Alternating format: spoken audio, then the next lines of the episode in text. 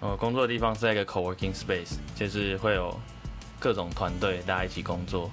那我们 co-working space 的那个算是房东嘛，他会在会议室有一个玻璃杯，然后里面装很多糖果。那对，有一次让我印象非常深刻，就是有一个同事在我们开会的时候，手贱去一直把玩那个玻璃杯，玩着玩着就破掉了。